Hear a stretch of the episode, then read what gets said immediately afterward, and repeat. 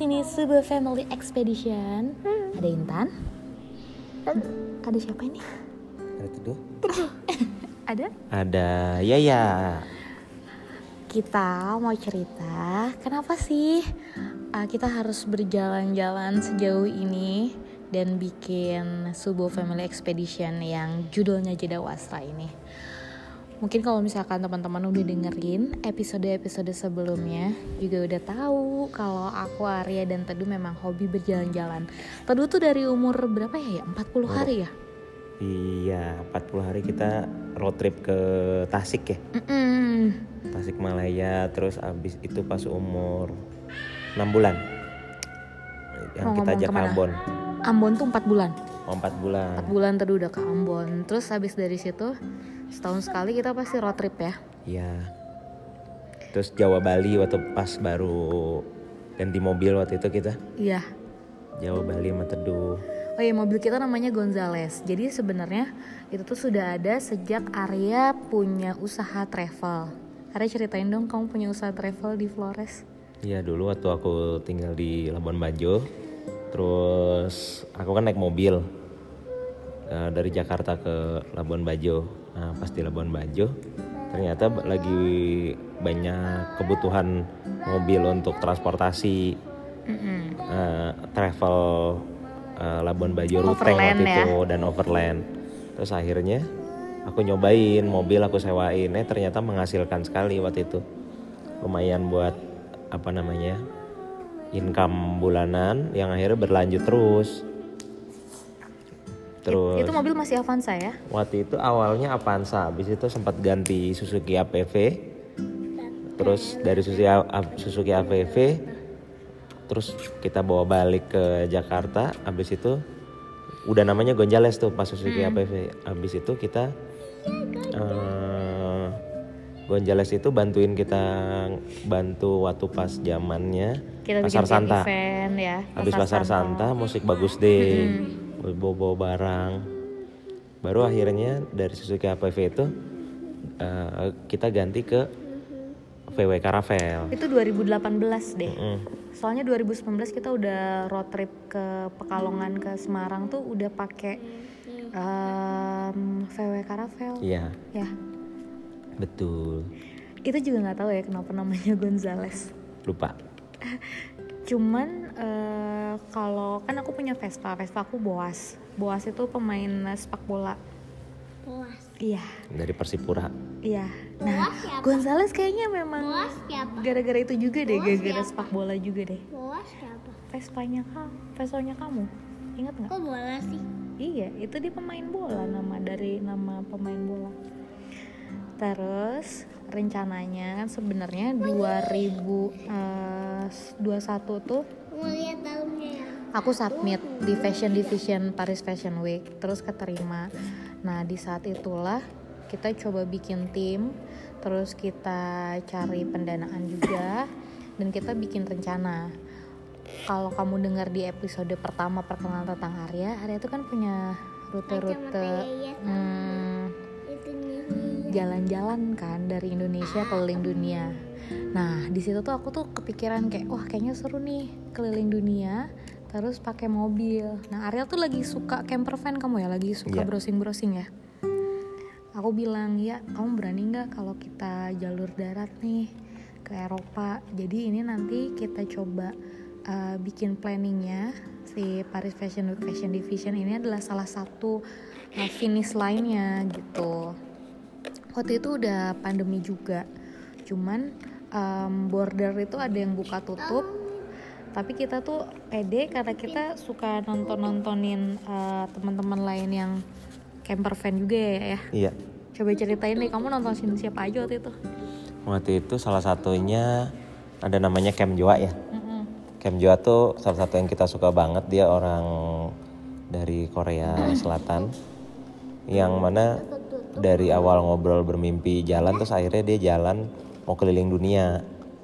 Terus eh, mobilnya tuh mobil Pragio. Pragio Kia Pragio kamu bisa nonton juga di YouTube gitu atau Hmm, jadi bener-bener apa adanya mobil yang dia punya ya udah aja jalan gitu semangatnya. Dan ternyata akhirnya keliling dunia sampai empat tahunan gitu. Nah waktu itu sebetulnya kita kepengen eh, eksplorasi dunia lewat darat supaya berjalan lebih lambat dan bisa mengatur apa namanya ya rutenya. Jadi kita stop juga di teman-teman kita yang memang ada hubungannya sama sustainable ya. Mm-mm, kayak gitu. Kita waktu itu tuh udah merencanakan bakal residensi bareng sama hmm, salah seorang pelukis di kapal sisa-sisa buangan kapal bekas kayu-kayunya di Omot itu kan itu di Belgia itu kita udah dapet suratnya juga terus kita tuh mau ketemu sama Ika di Norwegia. Terus kita juga udah meeting sama temen di Greenpeace pusat ya. Ya. itu Greenpeace itu ada di eh, Belanda. Correct me if I'm wrong. Benar Iya, nggak? iya, Belanda ya? Iya, waktu itu kita meeting. Karena aku kan dulu tahun 2020 cecoh tahun 2020 sempat menjadi artis daur ulangnya Greenpeace eh, Asia Tenggara waktu itu mereka ulang tahun ke-20 dan aku eh, mendaur sampah-sampah kampanyenya mereka Nah, em, sempat ke Swiss juga. Kita udah dibikinin surat sama Diana Rikasari. Kita kebayang mau bikin sesuatu juga untuk ngunjungin Diana di sana. Mana aja sih Swiss, Belgia, terus Belanda juga kita sempat dapat juga residensi mandiri juga di sebuah pulau gitu. Terus kayak ah ini udah pasti kalau jalan seru banget deh gitu. Kita udah kumpul-kumpulin suratnya segala macam. Terus pas waktu kita mau bikin visa, kendalanya adalah Sinovac. Kita udah full vaksin, tapi Sinovac. Terus udah gitu, kita sempat nunggu ya satu tahun ya, Iya.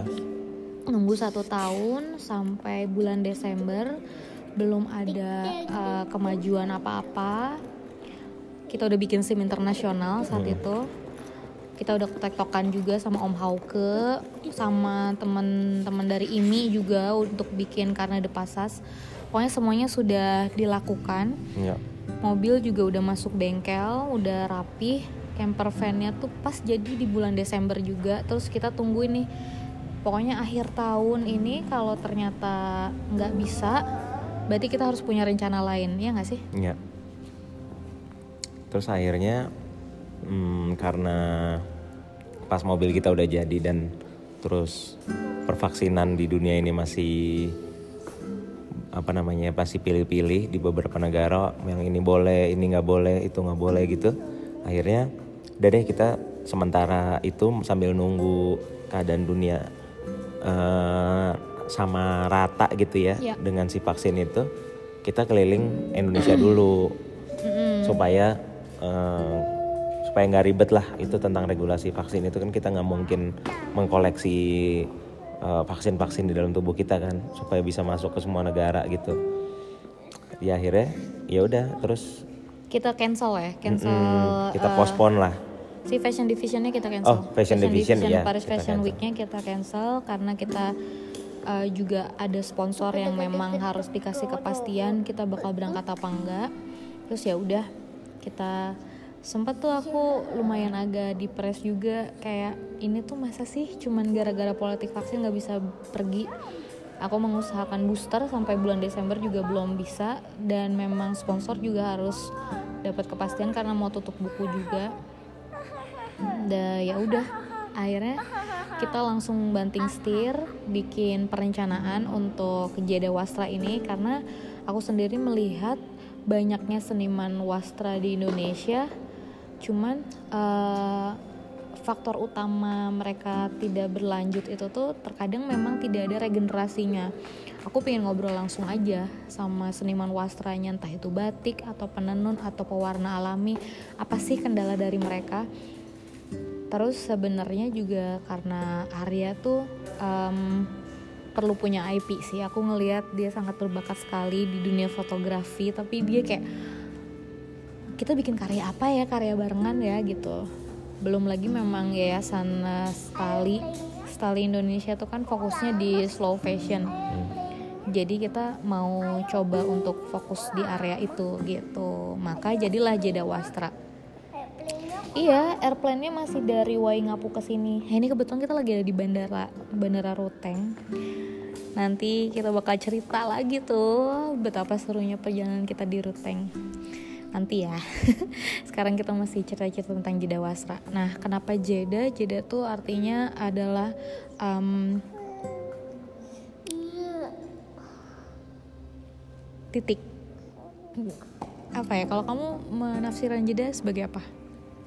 Jeda tuh Rehat ya. hening, hening sejenak. Hening, kosong. Ada satu di antara karena kalau kita hidup itu kan eh, kita masuk dalam satu rotasi kehidupan di mana itu ada rutinitas, ada ada pagi, ada malam, ada start, ada finish. Ya. Dan itu setiap hari kita ada selalu ada tugas-tugas, ada kegiatan-kegiatan yang mana kita harus tuntaskan kan.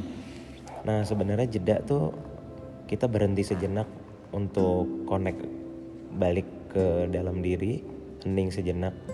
Karena ketika kita hening dan pause ya, Ya. kita pause sejenak itu kita kayak ada apa ya ada glimpse ada ada bliss ada ada informasi eh, dari kedalaman hati yang paling terdalam kayak gitu Nah kalau wasra sendiri kan kain-kain di Indonesia itu banyak sekali macamnya.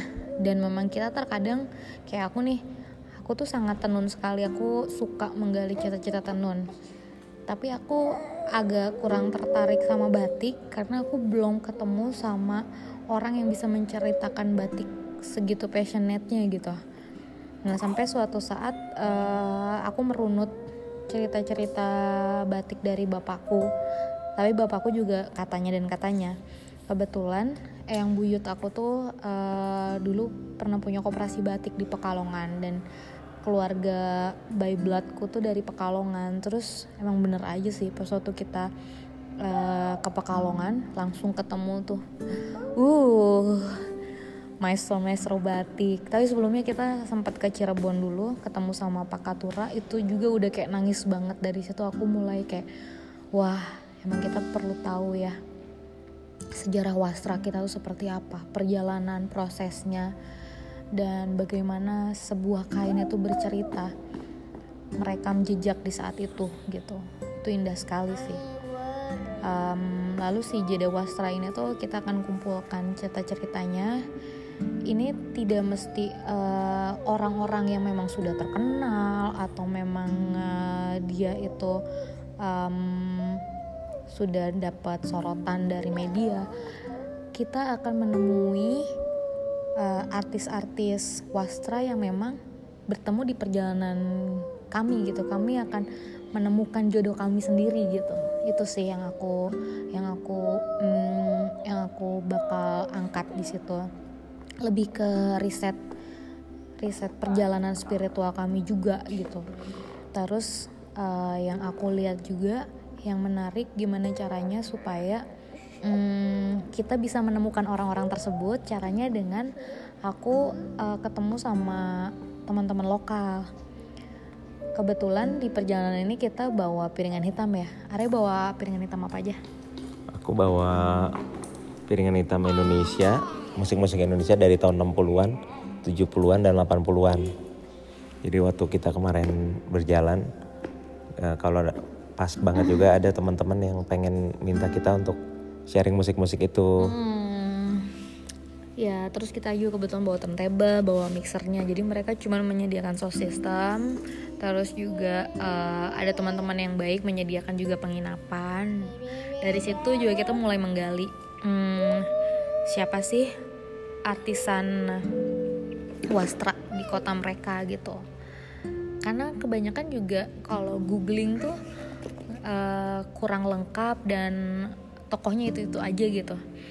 Maka dari itu kita coba untuk mempelajari dan duduk dengar sih. Kalau misalkan nanti dapat rezekinya lagi mungkin bisa bikin film dokumenter atau hal-hal yang memang bisa lebih uh, meningkatkan awareness ya. Tapi yang kebayang sama kami sih setelah perjalanan ini jadinya bakal buku foto dan pameran. Terus ini tuh sebenarnya partnya ada empat. Ada perjalanan dari Jakarta Sumba Jakarta Jakarta Aceh Jakarta untuk keliling Sumatera ya sama Jakarta Toraja Jakarta. Ini untuk kita mencoba untuk menggali Sulawesi sama Jakarta Flores Jakarta. Tapi lucunya di uh, perjalanan Kembali. kan unpredictable nih semuanya. Kita jadi bisa menyatukan part 1 sama part 4 karena kita nggak pernah tahu kalau uh, ke Sumba itu bisa lewat Flores. Wih, seru kan? Ini juga kita baru tahu padahal Arya tuh kurang lebih dua tahun ada di Labuan Bajo. kamu baru tahu ini ya iya. Dan kita juga baru tahu kalau misalkan ke Waingapu bisa lewat Ruteng. Ya kurang lebih kayak gitu cerita Jeda Wasra dan misi kami sih ingin eh, ingin supaya teman-teman yang yang tahu tentang sandang mereka lebih tahu tentang latar belakangnya juga. Jadi ketika kita pakai pakaian kita kita menghayati hakikat dari selembar cerita pakaian. Dan kain-kain yang indah ini juga sebenarnya adalah saksi sejarah kita memiliki peradaban tinggi sih gitu. Oke Uh, ini episode 3 dari kami tentang misi dari Jeda Wastra Nah, pasti teman-teman yang baru kenalan juga penasaran Sebenarnya apa sih Subuh Family itu? Habis ini kita bakalan cerita tentang Subuh Family